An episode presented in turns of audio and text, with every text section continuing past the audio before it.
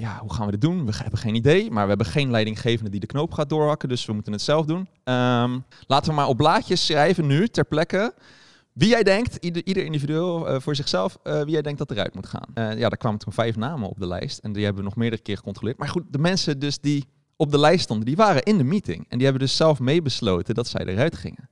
En ze vonden het dus ook niet leuk, maar wel logisch. Hallo en leuk dat je luistert naar Reset, een podcast van MT Sprout. Waarin ik in gesprek ga met ondernemers, leiders, professionals en dwarse denkers over het runnen van bedrijven in uitdagende tijden. Mijn naam is Remy Gieling, hoofdredacteur van MT Sprout. En het komende half uur spreek ik met Lennart Thoma. Hij is organisatiepsycholoog bij Kito, het bedrijf waar medewerkers zelf hun salarissen bepalen, mensen aannemen en ontslaan. En we praten over de 10 redenen waarom de organisatie failliet zou kunnen gaan ondanks de coronacrisis. Lennart, de eerste vraag is eigenlijk misschien wel de meest onmogelijke van de dag. Wat doet Kito nou eigenlijk? We zijn niet zo heel erg makkelijk in een hokje te vatten. Dus we zijn nu meer een online marketingbureau, maar ook organisatieadviesbureau. Uh, we doen ook psychologie, uh, uh, waarbij we letterlijk mensen echt helpen, gewoon cliënten. Um, detachering, ja, IT, noem het maar van allemaal op. Het is, gaat echt alle kanten op. Hoe kijk je daar als naar, van huis uit organisatiepsycholoog naar? Ja, ik vind dat uh, heel erg tof. Want ik ben, ik ben een beetje mede degene geweest die ervoor heeft gezorgd dat die cultuur dus heel erg raar is geworden. lekker arrogant gezegd, dat ben ik dan degene die dat heeft gedaan. Um, de mastermind, de, puppet master. master. nou ja, meer een beetje de master of disaster. want er zijn ook heel veel dingen daarin fout gegaan. Maar ja, ik had, ik had voor ogen dat een, een bedrijf echt de mensen kan laten floreren als mensen kunnen doen wat ze zelf willen. En dat gebeurt dus ook bij ons. Dus collega's mogen bij ons alles bepalen. Van hun, van hun eigen salaris tot wie ze aannemen, tot wie ze ook ontslaan. maar ook welke dienstverlening ze doen. wat dus heel erg voor, ja, voor heel veel wereldgroei eigenlijk kan zorgen. Dus heel veel mensen, ja, als mensen nu zeggen van ik word nu pizzabakker. Ja, prima. Dat mag gewoon onder de Kito-vlag en wij vinden het nog allemaal prima ook. De Kito pizza, ba pizza bakkers ook ja. mooi zijn. Ja. Heb je de P te pakken? Of dan, hebben we de, dan hebben we de P, ja. Want we gaan voor het hele alfabet. de, ja. de, de, heel veel bedrijven. We gaan het zo meteen hebben over... Ja, het is misschien wel goed om een haakje te maken. We gaan het zo meteen hebben over de, een blog die jou nou, eh, een van je, van, van, je, van, je, van je vele compagnons heeft geschreven. Yeah. Tien andere redenen dan corona waarom Kito failliet zou kunnen gaan. Uh, ook co-auteur van je boek, Cedric is dat geweest. Mm -hmm. Maar uh, allereerst nog heel eventjes. Heel veel bedrijven zeggen uh, het is belangrijk om te focussen. Focus op één ding. Blijf bij de core van je business. Zeker in crisistijd. Um, jullie doen het totaal anders. Waarom is dat wel een goed idee volgens jou? Ja, ik denk dat, zeker wat je nu natuurlijk hoort, en dat hebben jullie ook in de andere afleveringen van de mensen, je moet toch nu flexibel zijn en wendbaar zijn. En uh, ik denk als je nu, zeker in coronatijd, in crisistijd, heel erg focust op hetgeen wat je hebt gedaan, wat misschien niet meer gaat werken in de disruptiviteit waar we in zitten, ja, dan ga je niet overleven. Dan heb je gewoon een groot probleem. Uh, dus het feit dat wij juist zo snel kunnen schakelen, helpt ons alleen maar dat we nu allemaal nieuwe dingen aan het opzetten zijn. Uh, van, een, van een nieuwe online course, Keto Academy, naar een, een huis en een universiteit. En een, nou, het gaat allemaal alle kanten op. Maar um, ja, we zijn zo snel alweer aan het omschakelen. Ik denk dat het alleen maar helpt voor ons voortbestaan. Misschien nog een goed moment om eventjes kort in te zoomen op dat maffe bedrijf dat jullie zijn. Je zei het net al heel eventjes. Uh, mensen mogen ook bij jullie bepalen wie er wordt ontslagen. Ja. Kan je ons even meenemen hoe dat in de praktijk eruit ziet? Ja. Ik zie een ronde tafel vormen, een paar pizza's, een paar biertjes en een pak zakdoeken? Ja, nou bijna wel. Je komt denk ik best wel dicht in de buurt. Nee, het, kijk, het verschilt een beetje afhankelijk van de situatie. Hè? Dus als um, uh, we hebben geen managers bij Kito, dus dat betekent ja, als er iemand onderpresteert, dan moeten de collega's dat tegen elkaar gaan zeggen. Uh, en dat zeggen ze ook letterlijk tegen elkaar van ja, het gaat niet zo, je doet het niet zo goed, uh, of we twijfelen, jij twijfelt ook. zullen we misschien iets anders voor je zoeken? Dus als dat één op één gaat, dan ja, en dat en je, je lacht omdat je denkt, ja. oh, dat klinkt een beetje pijnlijk, maar de grap is, is denk dat ik denk dat ik het herken hier veel in. Nee. ik denk eigenlijk dat wij misschien wel op de meest humane manier mensen laten gaan. Um, omdat je het met elkaar doet. Omdat je het met elkaar doet, maar wat er van, ver van tevoren gebeurt, uh, als iemand al een beetje slecht begint te presteren of iets minder presteert, dan krijgt diegene het al gelijk te horen. Dus directe feedback. Op een hele lieve manier en constructieve manier. Van hé, hey, dit gaat niet zo lekker, zou je er al wat aan kunnen doen? Denkt diegene, oké. En dan krijgt diegene het nog een keer te horen. En dan niet van één collega, maar van meerdere collega's. Wat er dan op een gegeven moment gebeurt, is dat een collega of gaat verbeteren, Of eh, de collega denkt op een gegeven moment, ja, eh, ik doe het niet zo heel erg goed en ik, ik, blijkbaar lukt het mij niet. En die gaat dan heel erg aan zichzelf twijfelen. Eh, die twijfel die helpt niet. Dus wij gaan dan op een gegeven moment ook een soort coachend gesprek aan. Wat wil je nou eigenlijk? Wat vind je nou belangrijk? En waarom lukt het niet? En kunnen we je helpen? Denk je dat het lukt? Of is dit misschien gewoon niet de plek voor jou? Want wij zijn gewoon een maf bedrijf. En misschien past dit helemaal niet bij jou. Zullen we kijken wat je wel leuk vindt? Ehm, en nou, als we eenmaal in dat gesprek raken, dat zou je eigenlijk al een beetje kunnen zien als het ontslaggesprek. Want zo'n eh, ja, zo'n collega gaat dan bedenken, ja, inderdaad, het is eigenlijk niet de plek voor mij. Oh, nou, wat is dan wel? Oh, dat en dat. Nou, dan moet ik ergens anders heen gaan. Dus ik vertrek zelf wel. Dus wij ontslaan niet zo heel erg vaak mensen. Mensen gaan vaak zelf weg. Dus dat is de ene kant. Maar we hebben ook een keertje een zelfsturende ontslagronde gehad. En dat kwam omdat wij toen in zwaar financieel weer zaten. Eh, en ehm, eh, ja, we moesten gewoon echt kosten schrappen, anders konden we nog maar twee maanden salaris uitbetalen. En eh, nou ja, de collega's die hebben toen wel met elkaar gezeten en gezegd, oké, eh, wat moeten we doen? Ja, eh, er moeten mensen uit. Want de enige andere kosten die we hebben zijn bier en pand. Ja, en daar gaan we niet op schrappen. Dus, eh, want ja, we hebben eh, een pand nodig waar een koelkast in kan staan om het bier eh, koud te houden. Dus Dus prioriteiten op, oog op de prioriteit. Dat is heel belangrijk. De prio's zijn in ieder geval duidelijk bij ons. En dus toen eh zeiden ze, ja, mensen moeten eruit. En toen hebben ze dus met van alle soorten collega's bij elkaar gezeten. En zijn ze eigenlijk gaan zeggen, nou, ehm, ja, hoe gaan we dit doen? We hebben geen idee, maar we hebben geen leidinggevende die de knoop gaat doorhakken. Dus we moeten het zelf doen. Ehm, nou, laten we elkaar niet beïnvloeden. Laten we maar op blaadjes schrijven nu, ter plekke, wie jij denkt, ieder, ieder individueel eh, voor zichzelf, eh, wie jij denkt dat eruit moet gaan. Dus iedereen, sommige mensen schreven vijf mensen op, sommige mensen drie, sommige mensen twee. En dat werd allemaal op een groot whiteboard, eh, werd verzameld en op een Het is een groot beetje wie is de whiteboard mol. Nou, het, eh, het werd in de krant, en toen kwamen we daarmee in de krant. En toen werd het beschreven als Expeditie Robinson, Ja, de precies. eilandraad. Oh ja, ja, nog meer. Nog meer. Eh, en eh, nou, een beetje dat dus. En eh, eh, ja, daar kwamen toen vijf namen op de lijst. En die hebben we nog meerdere keer gecontroleerd. Maar goed, de mensen dus die op de lijst stonden, die waren in de meeting. En die hebben dus zelf meebesloten dat zij eruit gingen. En ze vonden het dus ook niet leuk, maar wel logisch. En ze gingen dus op, met op, opgeven hoofd weg. En we hebben alles netjes voor ze geregeld dat ze in de WW kwamen. En we zijn nog steeds goede vriendjes met ze. Dat is heel gek. Maar ja, dat is wel hoe het bij ons is gegaan. het is bijzonder. Ja. En voor iedereen die daar meer over wil lezen en het nog het diepere verhaal hierachter wil weten, Yes. heb je een prachtig boek geschreven. 99 Problems, but the Boss Ain't One. Geweldige cover trouwens, wil ik nog even meegeven. Thanks. Ehm, te bestellen volgens mij bij alle bekende boekhandelsbol.com of nog veel beter. Gewoon je lokale boekhandeltje om de hoek. Hashtag support your locals. Yes. We gaan het hebben over ehm, de tien redenen, anders dan corona, waarom Kito failliet zou kunnen gaan. Want ik vond het een mooi haakje. Ehm, en het geeft ook gelijk aan waarom het zo'n bijzonder bedrijf is. Eh, de nummer één reden zou zijn, we gaan ze gewoon allemaal af. Ja. Eh, en jij mag eh, toelichting geven waarom het zo'n eh, bijzondere, bijzondere club Als is. het me werkt. Ja. De nummer één is door slechte afspraken staat er. ja. Ja. Waarom is dat? Nou, wij laten dus mensen heel erg vrij en we houden er ook niet zo heel erg van om heel veel dingen vast te leggen. Dus ehm, ja, er zijn, er zijn eigenlijk geen regels of huisreglement bij ons. De Handboeken, handboeken al helemaal niet, gadverdamme. contracten?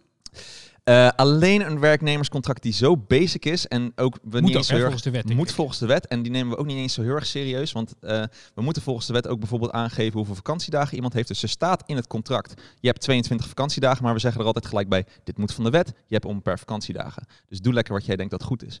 Ehm, dus ja, dat, dat, die, wij zijn niet zo heel erg van de afspraken maken met elkaar. Eh, en dat kan nog wel eens leiden dat er ja, misschien eh, dingen ontstaan die we eigenlijk niet willen dat er ontstaan. Of dat er mensen dingen uitgeven die we eigenlijk niet willen dat ze op dit moment even gaan uitgeven. Als eh, verzuurde journalist is het natuurlijk in mij om te vragen, is het wel eens misgegaan? Nog niet. Dat is de, eigenlijk Ah, als ik vast heel jammer. keer iets dat je denkt van, ah, daar, dat was anders niet gebeurd.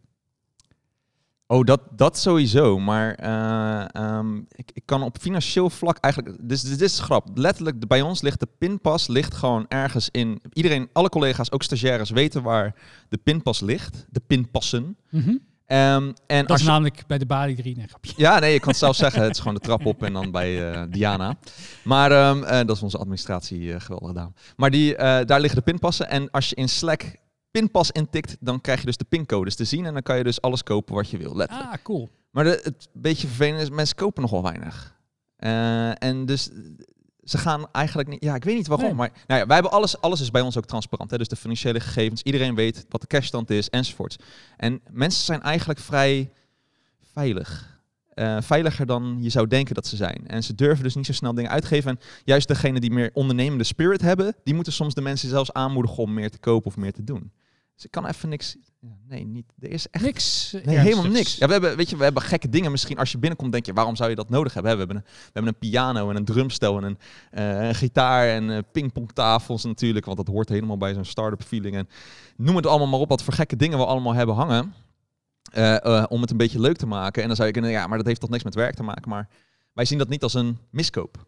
Nee. Dus ja. We gaan door naar nummer twee. Yep. Door collega's die zichzelf mogen aannemen. Ja, Eh, als je natuurlijk jezelf mag aannemen, en dat mag bij een van de entiteiten, namelijk die van mij, Kito Y, waar we, hè, dus dan mag je je eigen contract opstellen. Je mag zelf je salaris ook neerzetten. Je mag ook zeggen wat voor secundaire voorwaarden wil. Wij tekenen blind. Ehm, en we gaan ervan uit dat je dat gewoon wijs doet. En ook, ja, weet je, er geen misbruik. Maar het kan nog steeds. Je kan, iemand kan binnenkomen lopen nu. eh, zeggen, ik wil eh 50.000 euro per maand. En ik wil een Lamborghini als leaseauto. En eh, ja, eh teken maar. Dan tekenen we dus alsnog. Want dat hebben we wel zo afgesproken. Dat is dan wel weer een afspraak. En, eh, de, en ja, dan zijn we misschien wel de lul. Eh, letterlijk. Eh, Maar eh, hoe weten mensen dan wat, wat redelijk is? Want zeker als je een beetje start op de arbeidsmarkt.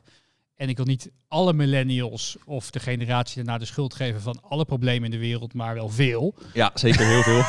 ik ben ook een millennial. Naast de boomers, naast de boomers, die zijn nog erger.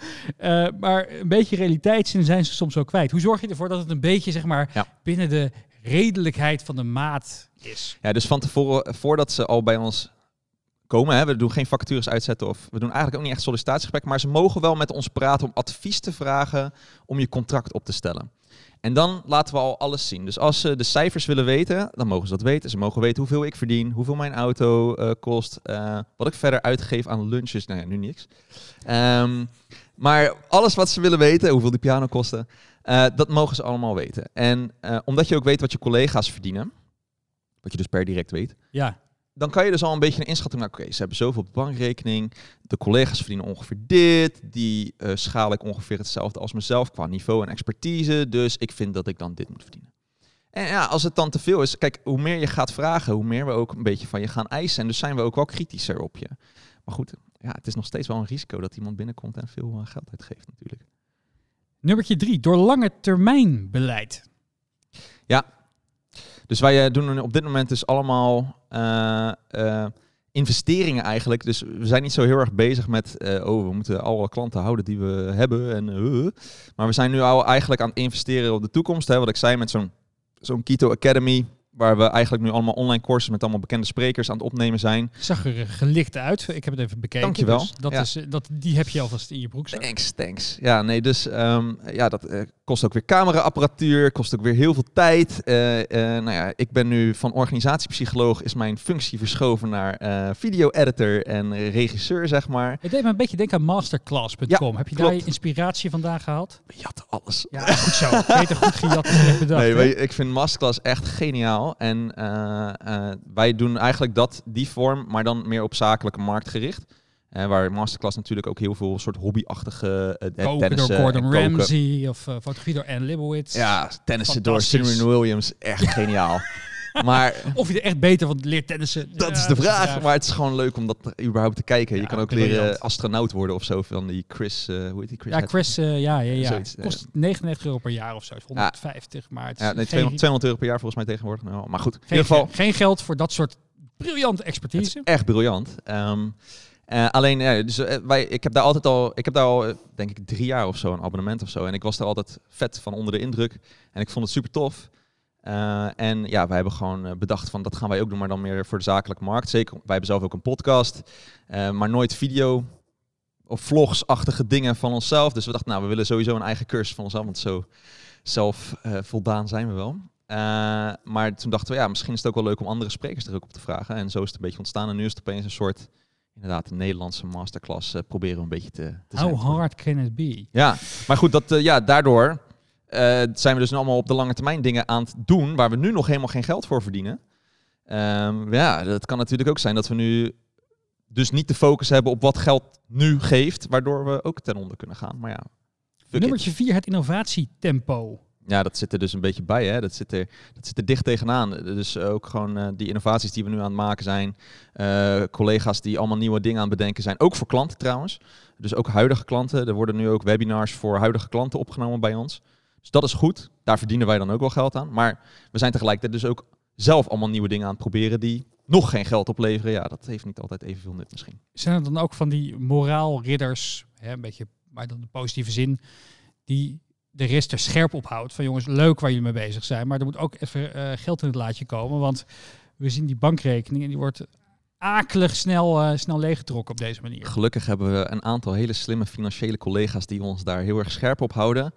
Maar die krijgen niet altijd even goed de overhand. Dus dat, uh, ja, dat lijkt me überhaupt wel lastig. Want dat hoor je natuurlijk vaak in bedrijven. Dat mensen al heel snel geneigd zijn om uh, een soort homogeen vriendenclubje te worden. Mm. Waar met alleen maar dezelfde expertises en dezelfde interesses. Ja. Hoe voorkom je dat dan? Ja, dus wij uh, selecteren ook, als we selecteren, dus bij de Keto Y laten we mensen dus zelf zichzelf aannemen, dan hebben we dus geen flauw idee wie er binnenkomt.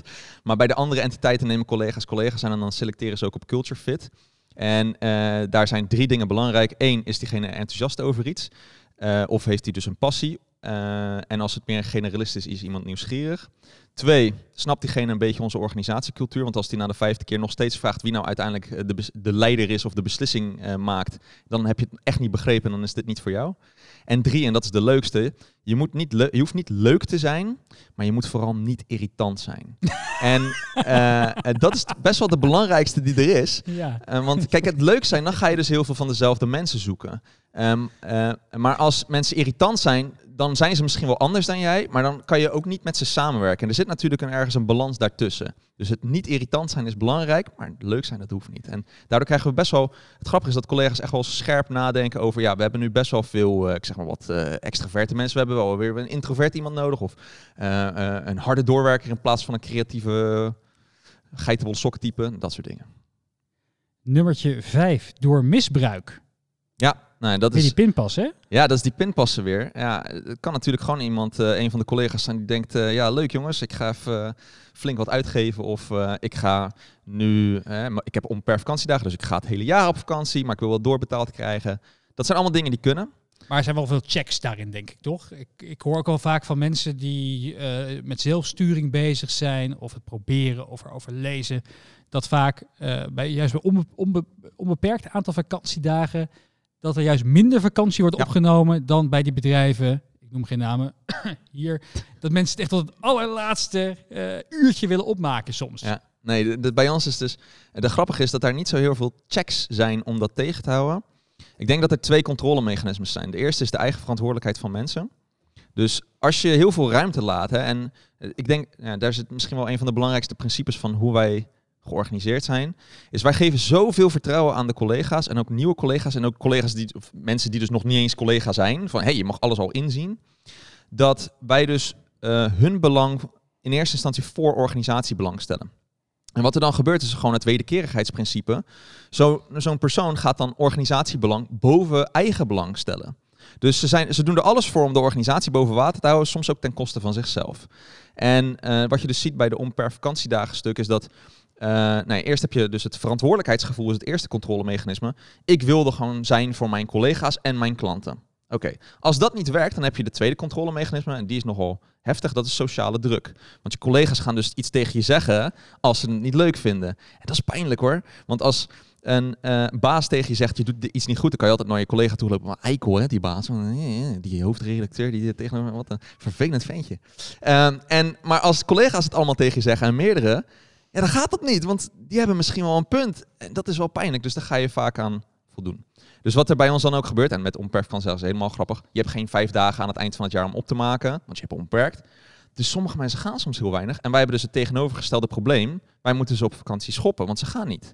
Dus we moeten zeggen, oh, je begint een beetje zagrijnig te worden. Wanneer was de laatste keer op vakantie? Oh, heel lang geleden. Ga alsjeblieft nu weg. En dat is, ja, en dat is eigenlijk het hele verhaal van het misbruik. Is het kan, het zou kunnen, de mogelijkheden zijn er. Je hebt alle vrijheid om te doen wat je wil. Maar de kans dat het gaat gebeuren, denk ik heel klein. Nummertje 6. Door gebrek aan aansturing. Ja, dus wij hebben geen, eh, letterlijk geen aanstel, geen management, geen CEO of board of whatever, eh, hoe je het ook wil noemen, die, eh, die gaat zeggen wat je moet doen. Je moet het Je moet het gewoon lekker zelf weten. Je zit lekker te boeren door het bier. Raad, voor, raad van commissarissen. Nee, hebben we ook mede niet. mogelijk gemaakt door Heineken. We hebben wel, hè, dus we hebben 50, 50 aandeelhouders, waaronder dus klanten en leveranciers. Maar het grappige wat wij eh, in de statuten hebben opgenomen is dat eh, alle aandeelhouders geen drol te zeggen hebben bij ons. Dus de notaris die heeft daar nogal zijn kop over moeten breken. Want die moest statuten opstellen waarbij aandeelhouders dus niks te zeggen hebben.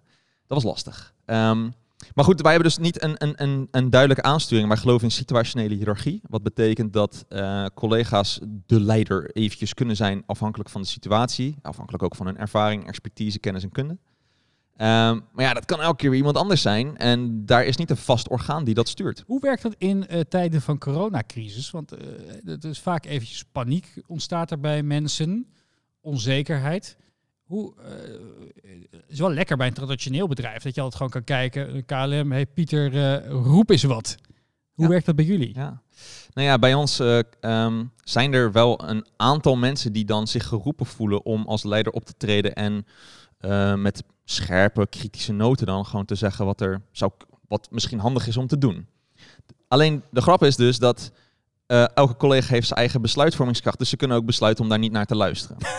en, eh, en dus als je, Of ik naar een hele complexe spelshow van RTL aan, aan het luisteren ben hier. Ja, het is, ja, het is één. Ja, ik, ik heb wel eens wat eh, professoren gevraagd of ze het niet leuk vinden om een soort sociaal eh, experiment bij ons te doen. Ik hou heel erg van experimenten, dus eh, kom alsjeblieft bij ons langs. Hartstikke Als grappig. iemand er luistert, ja. Ja hoor, het mag altijd bij ons. Ehm, maar dus wat er bijvoorbeeld is gebeurd, heel praktisch, is dat nou, één collega zei... Nou jongens, ik vind echt dat we niet eh, eh, op kantoor moeten komen eh, eh, tijdens de coronacrisis.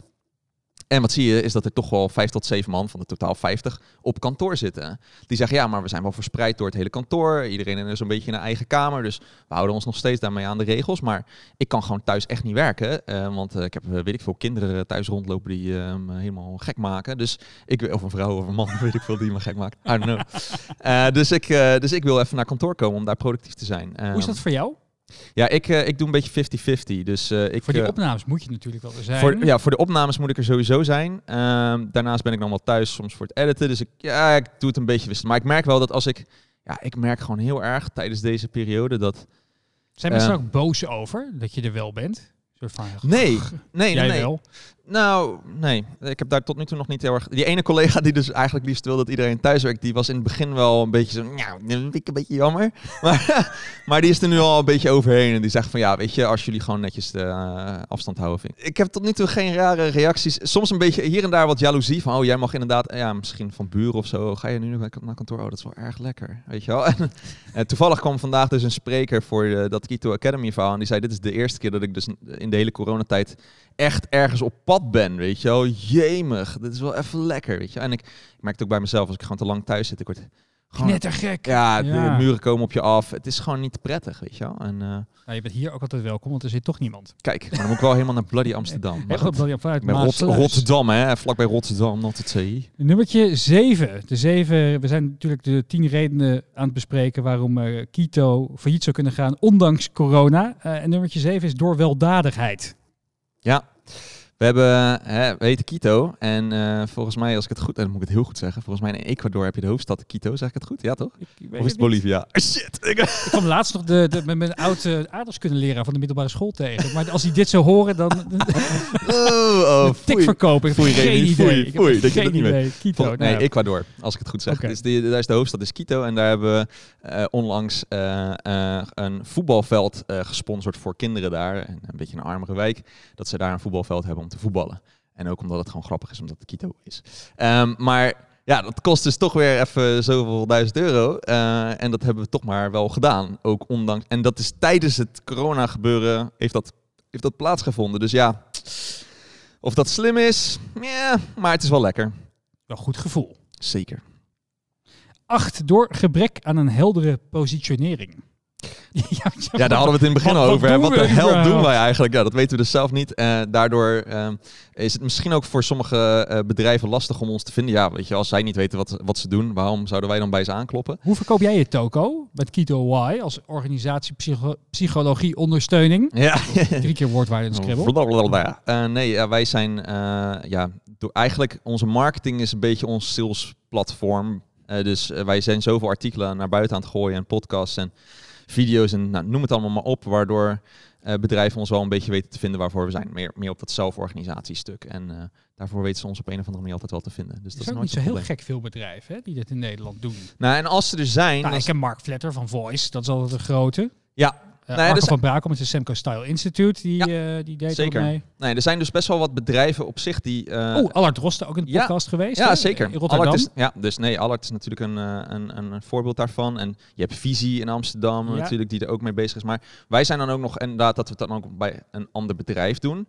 Maar wij hebben dan de grappige combinatie dat wij en de, de ervaring hebben van het bij onszelf hebben doorgevoerd. En dan er ook nog over weten te adviseren. Dus je ziet een Semco Style Institute. Dat komt natuurlijk bij Semco waar ze het hebben gedaan. Maar Semco Style Institute zelf ik hoop dat ze een beetje vernieuwend georganiseerd zijn. Ik ken Arco toevallig ook wel goed. Eh, dat zijn ze ook wel een beetje, maar niet zo extreem als dat wij dat waarschijnlijk zijn. Eh, en een ander bedrijf als nou, dat van Allard Drosten, eh, die zijn dan wel wat anders georganiseerd, maar die Aldoa. Al- Aldoa adviseert er dan weer zelf niet over per se. Hè, zij, hij heeft natuurlijk hagelslag. Ik bedoel, ja, je moet een keuze Hegel maken. Swag. Hegel Swag, Ja, fantastische naam trouwens. Ja, geweldige podcastopname. Ja. Ga hem luisteren Ja, als je het nog niet hebt gedaan. Ja, die man heeft dus gewoon 100.000 piek van zijn eigen geld weggegeven aan onbekenden. Geniaal, geniaal. We gaan snel door, want we willen binnen de half uur blijven. Ja, negen. Door gebrek aan targets en plannen. Ja, dus die, die we dus niet hebben. Eh, wat ik heel erg fijn vind persoonlijk. Ik hou helemaal niet van plannen. Ik ben zo ongestructureerd als de neten, maar daar ga ik best wel goed op. Ehm, ja, wij houden wel van een beetje chaos. Maar eh, ja, als je natuurlijk geen plannen of geen duidelijke targets hebt, misschien is het dan heel erg lastig om focus aan te brengen. Of eh, eh, ja, toch de juiste beslissingen misschien wel te maken voor misschien in de toekomst. Ja, wij gaan gewoon een beetje van hop naar her alle kanten op. Soms committen we ons wel ergens aan en dan heb je een soort van target of doel. Alleen die stellen we niet met een MT vast en dat gaan we dus zo doen. En ieder, de hele organisatie moet ervan weten. We gaan heel erg go with the flow. Ik denk eigenlijk dat het ons meer helpt in zo'n crisistijd dan, eh, dan dat het tegenstaat. Maar goed, ja, het kan je nog wel eens tegenzitten. You never know. En ja, in de blog was ik op zoek naar nummertje 10. Maar die is er gewoon niet, tegen draads. Is die er niet? Hij is er niet. Hij houdt op bij 9. Wat een eikel. Ik vind het wel mooi. Hij, eh, hij zegt wel, zou het erg zijn als we failliet gaan? Ik eh, persoonlijk ben daar echt, ik vind het helemaal niet erg. Dus heel veel bedrijven die vinden, oh, we moeten echt niet failliet gaan, dat is heel eng. Ehm, maar wij geloven heel erg in eh, een soort eh, de fuck it mentaliteit. Ja, niks is ook, ook, ook eindig, hè? Niks is eindig en eh, het komt altijd wel goed. Ik bedoel, we leven in Nederland, weet je wel. eh, we hebben een ongelooflijk goede verzorgingsstaat. Dus eh, als je het eh, om eh, financiële reden dat je je huisje niet meer kan betalen, ja, oké, misschien kan je niet je grote gouden kooi meer betalen. Eh, maar ja, weet je, je kan niet altijd wel ergens leven en het komt eh, vast wel goed met je, zeker als je eh, nou, een beetje onderwezen bent misschien. En, eh, ja, misschien is het moeilijk in de crisistijd, tuurlijk, eh, moeilijker om aan een nieuwe baan te komen. Maar wij geloven dat we dan echt wel weer iets nieuws uit de grond stappen en eh, dat het wel goed komt. Ja, en tegelijkertijd, ik spreek de laatste tijd veel ondernemers, in ieder geval voor Sprout. We hebben een serie gestart, eh, starten in crisistijd, omdat gewoon heel veel grote bedrijven zijn gestart in crisistijd. Eh, Media Monk sprak van de week, eh, er zijn nu 2500 man. Eh Helene van Oort met DQ&A. Eh, ik heb eh Kata Wiki gesproken. Eh Elastic voor, voor, voor, voor inmiddels 4,4 miljard beurswaarde ergens aan de New York Stock Exchange. En al die ondernemers zeggen eigenlijk stuk voor stuk: het mooiste moment en het beste moment om te starten is gewoon een goede crisis. Ja. Je bent lean, je bent scrappy, je bent lekker wendbaar. Je gaat echt voor waardecreatie en niet gewoon voor dikke zakken, bepa- eh, zakken vullen. Ja. En, eh, of voor, of voor, voor of- je hebt weinig overhead. Ja, helemaal eens. Helemaal eens. Dus, eh, nou, ik heb heel erg weer heel veel energie gekregen van het feit dat we dus die Kito Academy weer aan het opstarten zijn. En dat is gewoon weer even een vers moment. Je hebt geen flauw idee wat je aan het doen bent. Dus je gaat maar, je doet het gewoon maar. En gewoon het feit dat je het lekker aan het doen bent, ja, dat kweekt ook lekker, lekker veel afleiding. Eh, maar ja, go with the flow en gewoon het lekker het uitzoeken, het uitvinden en weer nieuwe dingen leren daardoor en jezelf lekker, lekker op je bek gaan. Ik vind het fantastisch. En ik hou ook tegelijkertijd wel van een beetje van dat ja, het sociale experiment. Ik heb vroeger altijd gezegd tegen Cedric en Patrick, de oprichters van Kito, van ik ben altijd wel benieuwd wat er gebeurt als Kito failliet zou gaan. Dan zeiden ze altijd, oh eikel, waarom moet je dat nou zeggen, weet je wel? We gaan toch helemaal niet failliet? Dat is een soort van taboe om daarover te hebben. En ik zei, nee, ja, maar dat is toch vet interessant. Wat gaat er dan met de mensen gebeuren? Wat gaan jullie dan doen? Enzovoort. En het grappige is dat ze dus na een tijdje zijn ze wel daar ook een beetje in meegegaan. En zeggen ze, ja, eigenlijk is het misschien wel interessant. En ja, waarom, waarom maken we ons daar zo druk om? En het Ja. feit dat je dat ook kan loslaten, denk ik als ondernemer, eh, of als CEO van een of andere tent. Van ja, weet je, dan ga maar fiet. Denk dat je daardoor meer risico's gaat nemen of eh, meer durf laat zien. En uiteindelijk daardoor misschien wel hele mooie dingen kan gaan, gaan maken in de toekomst. Lennart, mag ik je hartelijk danken voor je tijd en inzichten vandaag. Hier ja, vanaf de redactie van MT Sprout. Die verder rest nou, helemaal leeg is. Ja, wij zitten netjes anderhalve meter van elkaar. Dus Ja. dat, is goed gedaan.